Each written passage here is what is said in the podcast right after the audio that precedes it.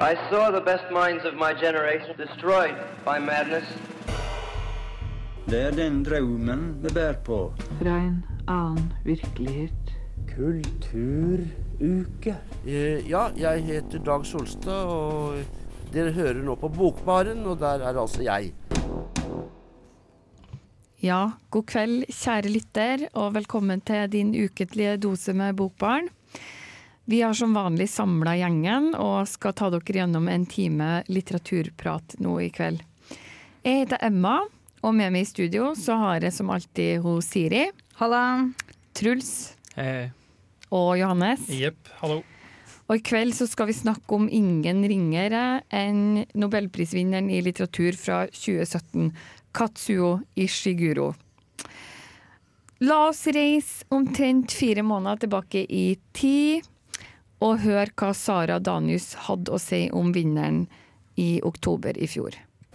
Nobelpriset i litteratur år 2017 går til den engelske forfatteren Kazuo Ishiguro som i romaner med sterk følelsesmessig verkan har blottet avgrunden under vår skenbare henhørighet i världen. Ja, det var store ord fra Sara Danius der. Eh, Ishiguro han er den 114. Eh, vinneren av Nobelprisen i litteratur. Han er i tillegg den tolvte briten som vinner, og han er den hundrede mannen som vinner eh, Nobelprisen i litteratur. Hva syns du om det, Siri?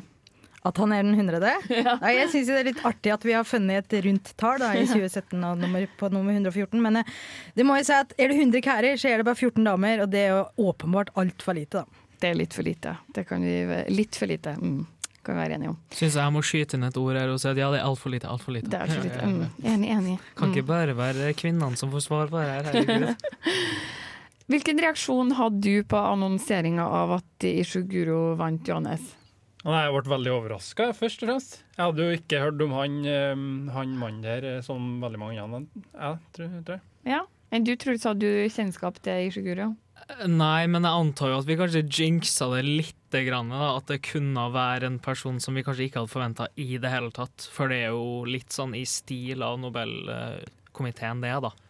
Altså vi, jeg tenker Vi ba Tømme om det om at vi hadde sending der vi tippa kandidater. Veldig mange folk òg. Det, må, det måtte jo slå feil. Ja, det skal si at Ishiguro var jo ikke på lista vår over, over alternativer, da. Siri, hadde du kjennskap til Ishiguro fra før? Jeg hadde hørt navnet, men jeg ble stående som måpe. For jeg hadde jo det her på livestream på storskjerm i en eh, gruppetime. Så måtte jeg bare stå og måpe, rett og slett. Og ikke jeg og ingen av studentene hadde hørt om Ishiguro på den gruppetimen. Nei. Men det har vi nå. Ja, det har vi nå. Ja, for om du ikke har kjennskap til Ishiguro fra før, så skal du i hvert fall uh, få det i kveld. Uh, vi skal lose det gjennom forfatterskapet hans i dag, men først så skal vi høre ei låt, nemlig 'Somebody Else' med 'Young Dreams'.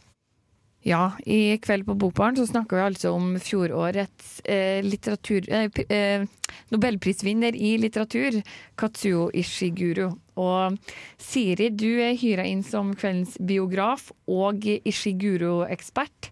Skal du ta Ishiguro på to-tre minutter? Ja, vi får, vi får se, da. Noen får time det her. Men eh, Katsuo har i hvert fall altså, eh, Jeg sier Katsuo, ikke Katsuo. Men eh, han har eh, til sammen gitt ut åtte romaner, fire screenplays, seks samlinger eller kortprosa. Eh, ja, altså enten eh, en enkelt kortprosatekst eller samlinger med kortprosa. Og så har han òg faktisk skrevet lyrikk for en, Grammy-nominert musiker som heter Stacey Kent, da, på fire forskjellige album. Så han har et litt sånn sammensatt eh, tekstkorpus, får en si, da. Han eh, ble født 8. november i 1954 i Nagasaki i Japan.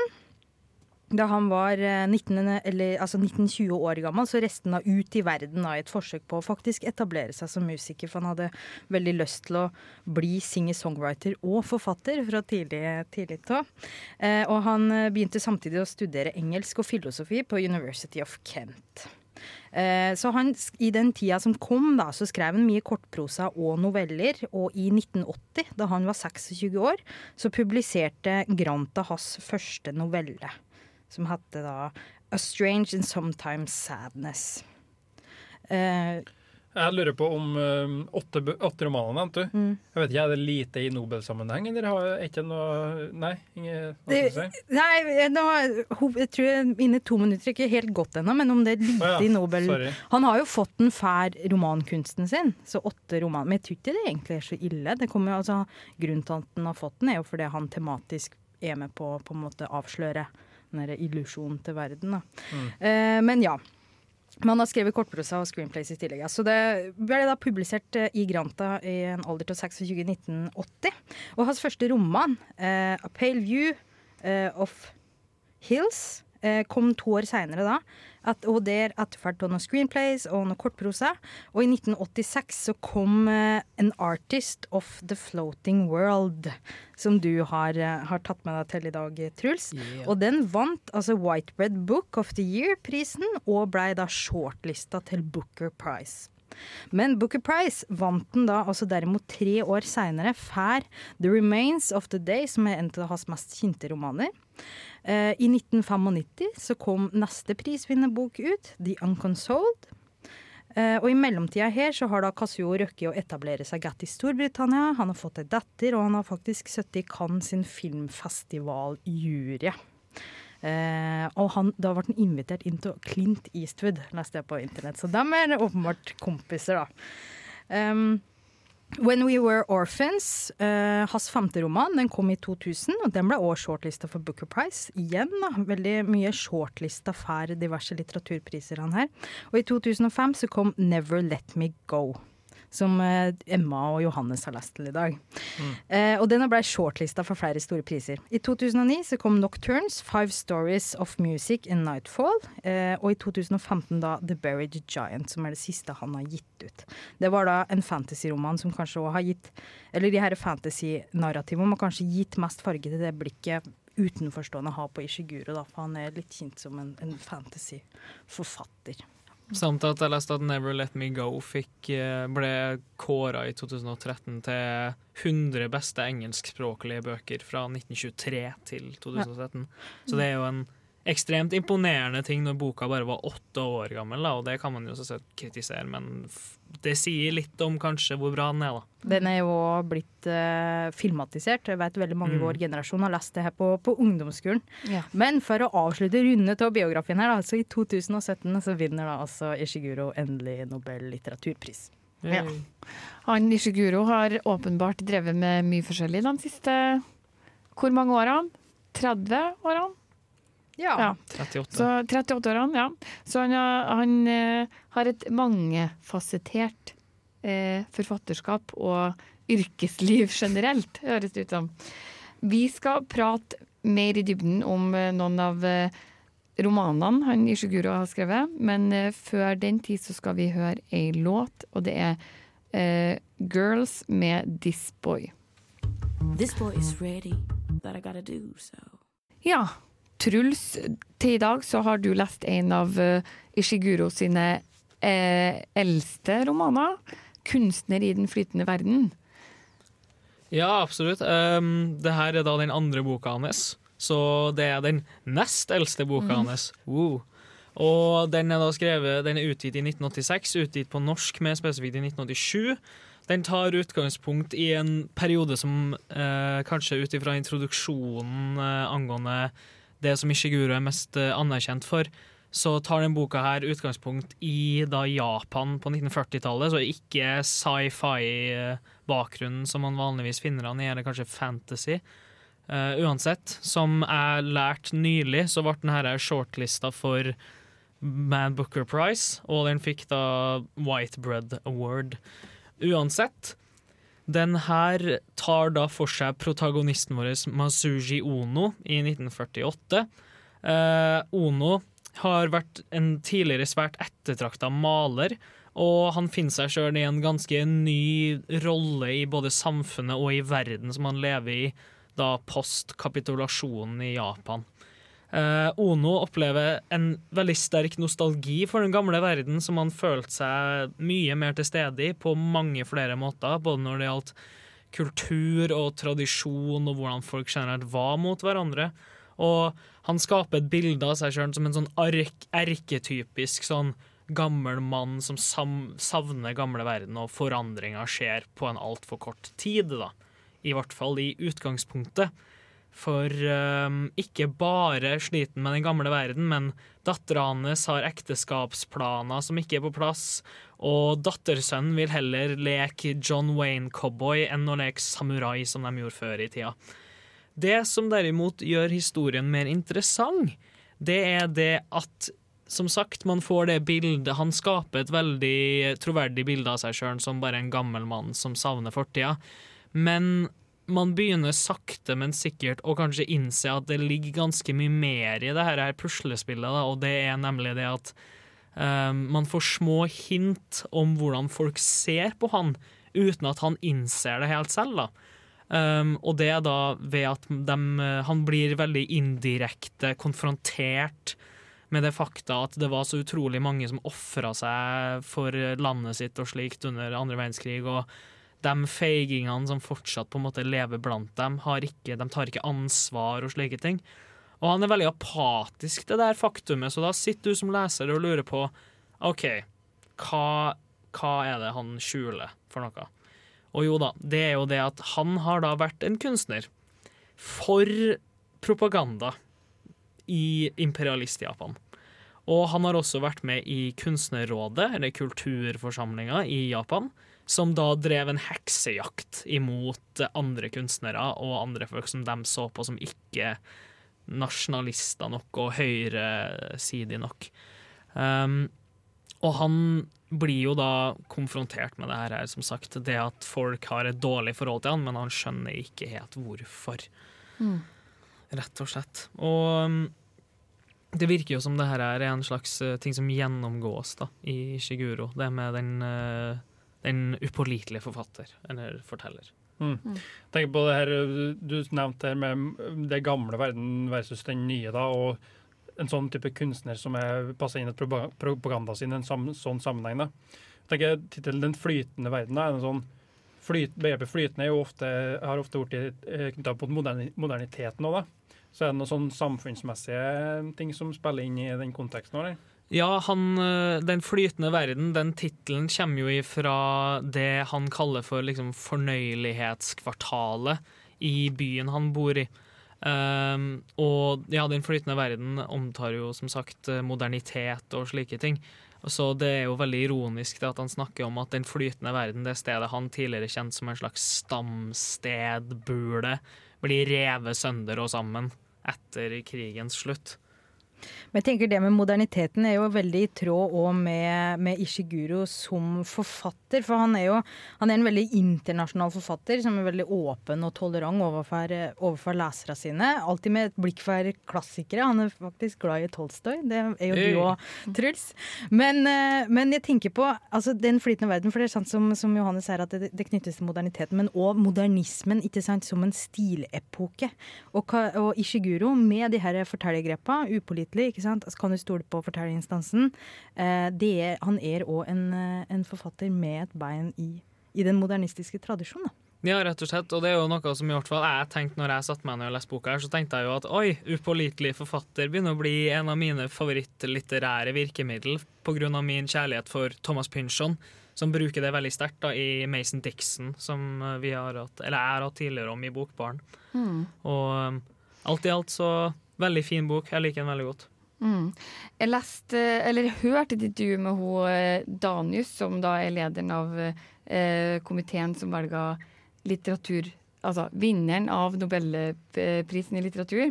Og hun sa at Ishiguro sin stil var en blanding av Jane Austen, Frans Kafka og Marcel Proust. Er det noen av dere som har noen tanke om det? Eh, Kafka Ja, i, i, form av, i, form av, kafkaesk eh, at man finner seg sjøl i eh, en mørklagt verden, rett og slett. Der hvor eh, det kanskje ikke er så mye um, Man legger ikke kanskje vekt på Det trenger ikke nødvendigvis være dystopi, men heller kanskje fortelleren som et offer for uh, konsekvenser som han ikke sjøl klarer å ta ansvar for eller vet hvorfor om. Men jeg tenker òg språklig så må jo Ishiguro være ja, den her blandinga av de, eh, de tre, for han har vel en egentlig ganske nøktern prosa. Som eh, evner å både tilsløre og være veldig gjennomsiktig samtidig. Jeg vet ikke, Har du gjort opp noen tanker om språket? Jeg tenker i hvert fall De tre forfatterne så er enig at de kan Hvis jeg tenker Jane Austen har med sånn klassisk historiefortelling, og det å kanskje holde noe i historien skjult, det, men som nøstes opp i løpet av narrativet. Kafka med Truls navn, og særlig den 'Never Let Me Go', da, det med det her eh, litt sånn der eh, overgripende strukturene som man ikke helt vet hva er for noe. Og hva var det siste? Prost, som er Prost, ja. min, minner, ja. Som er, den boka egentlig består av. Tilbakeskuende på minner, da. Uh, ja. Ja, jeg liker, jeg liker for, jeg kommer jo på, jeg, jeg liker veldig godt for øvrig den sammenligninga med Kafka, med tanke på det som kanskje ble nevnt litt grann av Siri, og det er det, det at um, det hjelper ekstremt mye for å holde narrativet litt uh, hemmeliglukka og litt mer sånn mystisk ved å ha den ekstremt nøkterne prosaen. Da. Og det er jo veldig mye nesten sånn stillhet, nesten, nesten klein stillhet, i hvert fall i boka, om hva man legger frem og velger å ikke legge frem. Da. Mm. Ja, eh, og jeg, tenkte jeg bare skulle nevne det, for han er jo japanskfødt. Men han har, på, han har ikke så tradisjonell japansk eh, fiksjonsforfatter, egentlig. Men Murakami er jo kanskje i større grad det. Og Murakami har sagt det om Ishiguro, at hver gang Ishiguro gir ut en roman, så beinflyr Murakami ned på butikken for å handle seg den, og utsetter alt han har planlagt å gjøre, for å lese Ishiguro. For så flott og spennende og sammensatt syns da Murakami Ishiguros forfatterskap er. Det er kult. Spennende. Da hører vi ei låt. Det er Skambank med balladen om deg.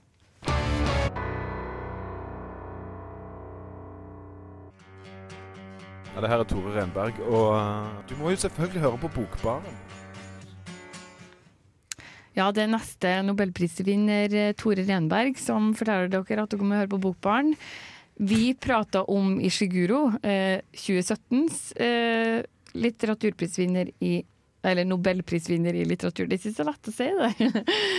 og eh, Johannes, jeg og du, vi har lest eh, ei av de nyere bøkene til Ishiguro til i dag, nemlig 'Never Let Me Go', eller 'Gå aldri fra meg' fra 2005. Det stemmer. Jeg tenkte jeg skulle si litt om handlinga der. da, hva den rett og slett handler om. Og Det er da hovedpersonen, som er Cathy Age, som det kalles også. Cathy H, da, som er liksom det fulle navnet hennes. Det eneste vi får høre. Hun er en jeg-forteller i boka. og Handlinga er satt i England på 1990-tallet. Og da er Cathy 31 år. Fortellinga består nesten utelukkende av tilbakeblikk på hennes minner og opplevelser fra barndommen. For det er sånn at hun, Cathy hun går på en skole som heter Hailsham. Og mye av fortellinga handler om, eh, i tillegg til, til, til Cathy og hennes opplevelser der, da, så har hun to venner her som heter Ruth og Tommy, som mye dreier seg om. da. Mm. Ja, og de går på ei skole, Heilskjem. Hva slags skole er det?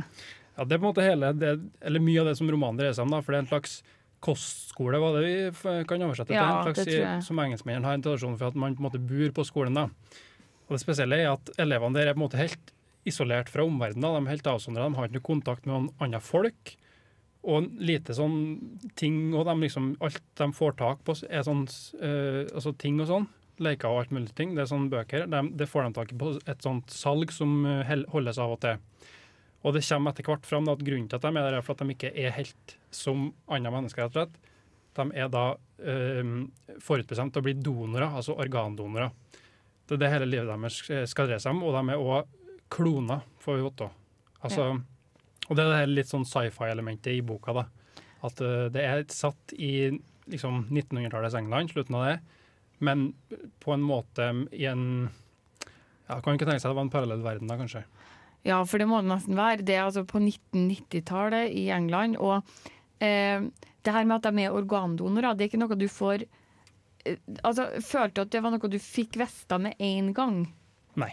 Nei. Du, ja, nevnte For det står, det står at de er donorer, men, men det at de er donorer, er ikke noe, noe som man på en måte eh, At med er organdonorer, kommer vel egentlig ikke så veldig tydelig fram før noen, noen titalls sider ute i romanen, eller? Ja, gans, ganske langt ute, egentlig. Og som du nevner, at det, det hviskes og tiskes om noe donations, noe, noe don, donasjoner, men man skjønner ikke helt på hvilken måte det er donasjoner. Det er nettopp eh, forholdet mellom de elevene som går på den skolen, da, og de her um, påpasserne, eller guardians, som de kalles i boka, da, som er det spesielle. da, for at uh, de, de um, de på, deres da, vil på en måte Det virker som de vil gi dem et så godt som mulig liv som de har der, men samtidig så vil de ikke røpe for mye. Ja. Så de vil på en måte holde dem litt i uvet, uvitenhet, òg, for det er, jo- det er ikke sånn, det er ikke et vanlig menneskeliv som møter dem. Mm. Så det blir på en måte sånn at eh, det, eh, utover boka så nøstes det sakte, men sikkert opp ting. da. Som du sier, at det kommer litt uti her med både donasjoner og hvem de egentlig er. Ja. Og Men- det, det er en plass i romanen så står det veldig sånn eh, interessant skrevet at det er noen av dem som mener at de fikk bare vite ting før de Altså litt før de var moden nok til å forstå det. Sånn at når de gikk inn i voksenverdenen, så hadde de bare med seg kunnskap som ble en sånn selvfølge for dem. Men det at du får eh, For du får vel vite de her tinga litt sånn samtidig som fortelleren får vite det. Hvilken effekt har det på lesinga deres?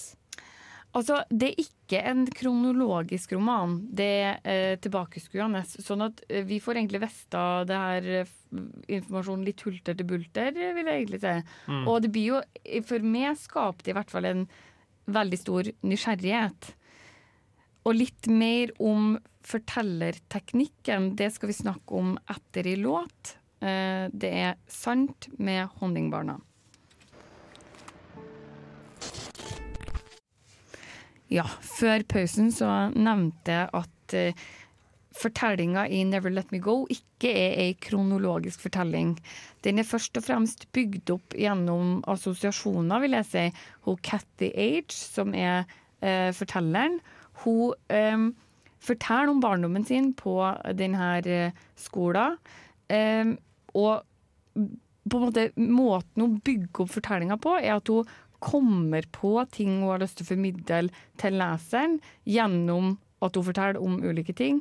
Og historien liksom bygges på på den måten. Så man hopper mye fram og tilbake i tid, samtidig som hun bygger et slags sånn tidslinje for leseren. Ja, En viktig ting er at det, det er en jeg-fortelling, som vi sa, som, men som, um, som henvender seg til til du. Så fortelleren uh, sk skriver ofte sånn Jeg vet ikke hvordan det var i din oppvekst, osv. Men en viktig ting da i den sammenhengen er jo at i det parallelluniverset som vi kan kalle det, som er der noen ting er litt annerledes, annet det med at det finnes organdonorer som bare lever for det, så er det en annen innforståtthet. da. Sånn at det blir vanskeligere for også lesere som ikke vet det fra starten av, å skjønne. Sånn at for meg, i hvert fall, da jeg begynte å lese boka, så var det, var det veldig forvirrende. For å svare på det du, spørsmålet du stilte før før sier hva det fortellerteknikken har å si. Da. Det gjør at det blir veldig det blir, det blir nesten litt sånn rotete leseopplevelse, vil jeg, skjønne, vil jeg si. Og For at man tenker sånn hva, hva er det for vått nå? Nesten tenker man, hva Hvordan har sammenheng har det her? Jeg tror det er en sånn kunst som Ishiguro er kjempeflink på. Det at han på en måte Han det, det, det er en veldig sånn fine line å gå mellom det å slite ut tålmodigheten til leseren. Eh, og man skulle nesten tro det at i hvert fall tålmodigheten min skulle gå ganske kjapt når jeg sitter og leser så, såpass mye av en bok, og så føler jeg at jeg egentlig ikke lærer noen ting. Mm. Men det som Ishiguro gjør kjempebra, er det at det er veldig små, små hint om hva som kan ligge i vente, som man på en måte føler at man får som en slags gave for at man faktisk orker å investere tid i det her. Og som jeg vet ikke, Det er nesten som Ishiguro sitter nesten og hvisker i øret ditt at ja, ja, det er noe der, men du Mm. må finne ut hva det er. ikke sant? Ja.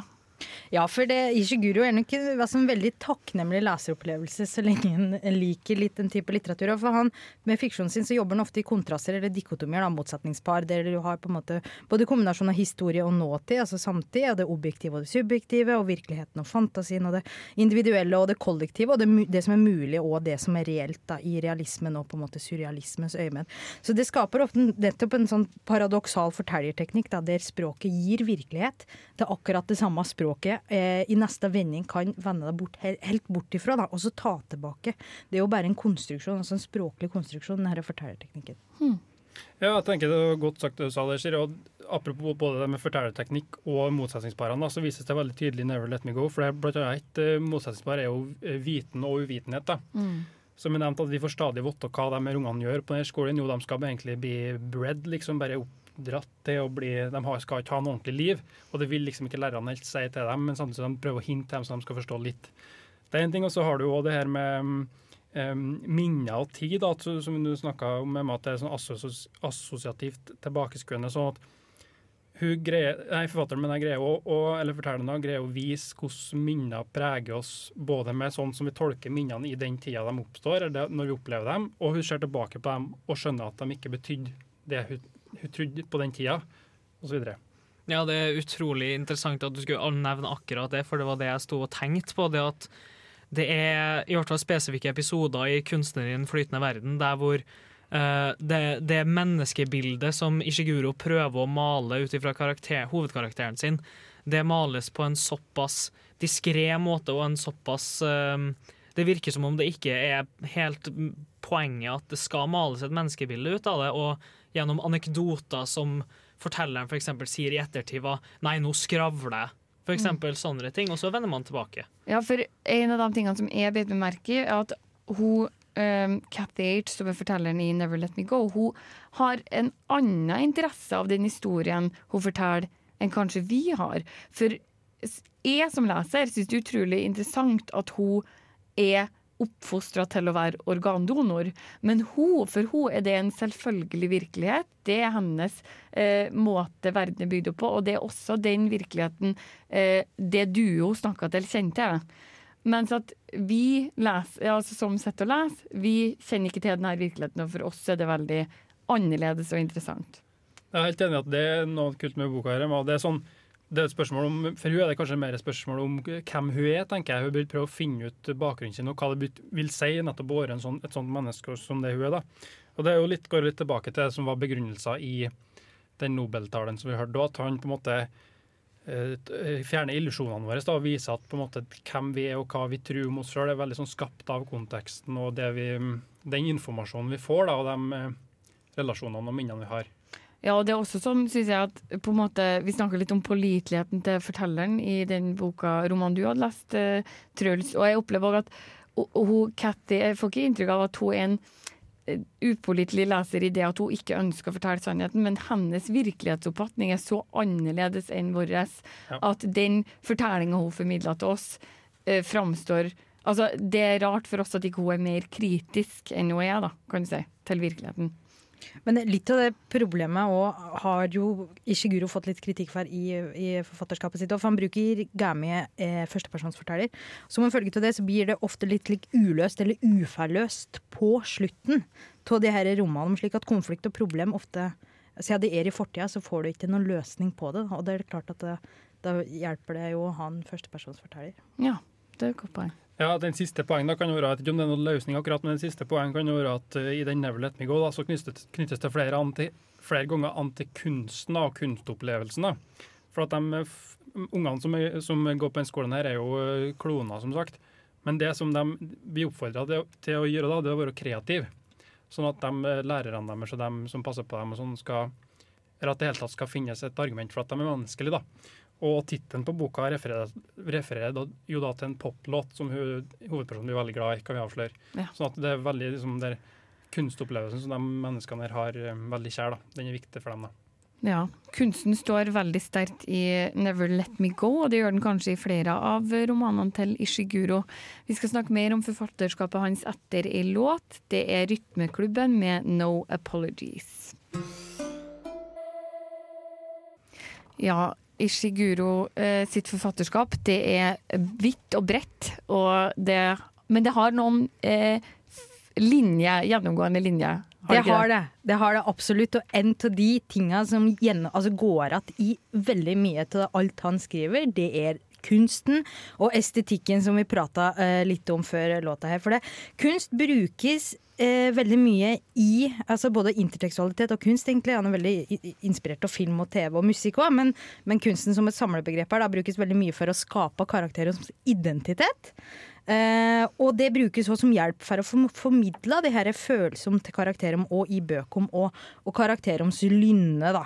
Men det er òg for å undersøke relasjonen mellom estetikk og etikk i den moderne verden. Og da tenker jeg Never Let Me Go må jo være et prakteksempel på måten Ishiguro da bruker kunst i forfatterskapet sitt, tenker jeg. Ja, det, det er jo det. Som eh, så vidt nevnt før låta, så er det jo akkurat det du sier. At, for at han setter jo nettopp da etikk og estetikk, eller kunst og etikk opp mot hverandre, gjør med at eh, det blir spørsmål om um, de her um, organdonorene sin I og med at de er kloner bare fra noen andre, så er det liksom spørsmål om menneskeligheten deres. Hvor er de mennesker sånn som alle andre folk? Og da er på en måte målet på det, da, eller argumentet for, i hvert fall for at de er det, er jo at hvis de greier å være kreative og skape kunst, da, så, så, så, er det, så har de nådd det målet, da. Ja. Også det med, med formidling til følsom, da. Og skal, for det død to sa Emma og Johannes eh, tidligere da vi åt lunsj sammen i dag, at det er litt lite dialog i disse bøkene. Mm. Jeg tenker sånn, For vanligvis så bruker du dialog mye til eh, å formidle følelser, da. Eh, ufiltrert ifra, ifra en karakter. Men her skjer når du ikke har så mye dialog, da. Hvordan løser du det? Ja, det var, det var kanskje Truls som sa det, tror jeg, for det er en del dialog i denne boka her. Ja. Men uh, ja, ja. Ja, det, det er muligens at det er heller litt i det, det usagte at man finner det så mye å si. Og i hvert fall i måten man reagerer på selve uh, hva andre sier på, hvordan det forteller om deg sjøl. Og det var angående det med kunsten, så syns jeg at det var, det var, interessant det med at uh, i de her to bøkene så finner man en viss sånn fellestrekk i det at uh, uansett hvordan verden ser ut, om den er dystopisk eller den er dekadent, så finnes det alltid et behov for kunst. Og i deres bok så sa dere jo det at de blir, de, blir, de, blir, de får støtte til med å være kreativ. Og i den boka her så får man jo også støtte til å være kreativ, og han, man, blir, man kan bli anerkjent som en maler, men, det, men, på hva slags bekostning blir det, sånn rent moral og etisk, rett og slett. Og det er jo et ganske stor problemstilling da, innenfor kunsten, rett og slett, Mm. må jeg nå si. Så kunsten er viktig i Og en, en av tingene jeg har bedt om merke som jeg synes er veldig interessant altså, En av de interessante tingene med kunsten i Never Let Me Go, er jo det at det er kunsten det er dem de kjenner, de eh, på en måte konsumerer, da, hvis man kan si det sånn. Så de får et sånn veldig nært forhold til kunsten, til de menneskene som er aller nærmest, da, for det er den eneste kunsten de har tilgang på. Ja, for de bytter på den skolen, sant? De, Ja. mm, de har jo ikke noe tilgang til resten av verden, så de er bare nødt til å byttehandle sin kunst med hverandre. Så det får en sosial betydning der òg. Og som jeg så vidt nevnte, kan ta med deg at uh, tittelen 'Never Let Me Go' refererer til en, eh, en uh, visstnok uh, fiksjonslåt, men. Det er en, det er en poplåt da, i boka. Som betyr veldig mye for hovedpersonen. Og som uh, et sånn veldig sånn viktig scene i boka, så knytter hun sterke følelser og, og en sånn viktig del av uh, kanskje sin identitet til den opplevelsen. da. Eh, hvis jeg bare får runde av det som er da viktig i Ka eh, Kazuo Ishiguros forfatterskap, så er det da ikke sant, film, TV, musikken som vi har prata om, kunsten, intertekstualiteten, med òg steller og historiske hendelser. Så da veit vi det. Da vet vi det. Vi eh, skal snart runde av sendinga. Først skal vi høre ei, bo, ei, ei låt. Det er 'Broen' med Pride. Ja, i den sendinga her så har vi blitt mye bedre kjent med forfatterskapet til eh, Katsuo Ishiguro, som vant nobelprisen i, i litteratur i fjor. Eh, og da gjenstår spørsmålet hva syns dere egentlig om det dere har lest, og det dere har hørt om forfatterskapet? Truls? Jeg ble, jeg ble ekstremt overraska over hvor, hvor mye jeg faktisk likte den boka her. Og ekstremt hvor mye jeg liksom eh, Jeg satte veldig pris på måten han brukte fortellerteknikk da. Og Mm. de litterære virkemidlene hans ga meg faktisk en litt bredere horisont da, på hvordan man bygger opp ting. Mm. Siri ga det mersmak. Ja, for jeg har jo det jeg har drevet og styrt meg til i dag, er jo en Kasuo Kazuo Ishiguro reader, egentlig Contemporary Critical Perspectives. Mm. Og etter å ha lest om uh, forfatterskapet, ikke det nyere, ikke det på en måte som er mer sånn fantasy-satt, men det tidligere, da, Uh, så tenker jeg at jeg har lyst til å lese mye mer. Ja, du, Johannes? Ja, det har egentlig jeg òg. Jeg visste ikke så mye om Ishiguro da han vant prisen, akkurat. Sånn, ja. Så jeg har mest fått noen stikkord, som det Siri nevnte tidligere Mm. her, på hva tematikken er via norske anmeldere og sånn. Mm. Men når jeg får lest om det sjøl, så altså, det er ingen overraskelse at det er bra når han er en nobelprisvinner. Så si. det er veldig bra. Veldig sånn Veldig solid håndverk og veldig god forfatter. sånn Ja.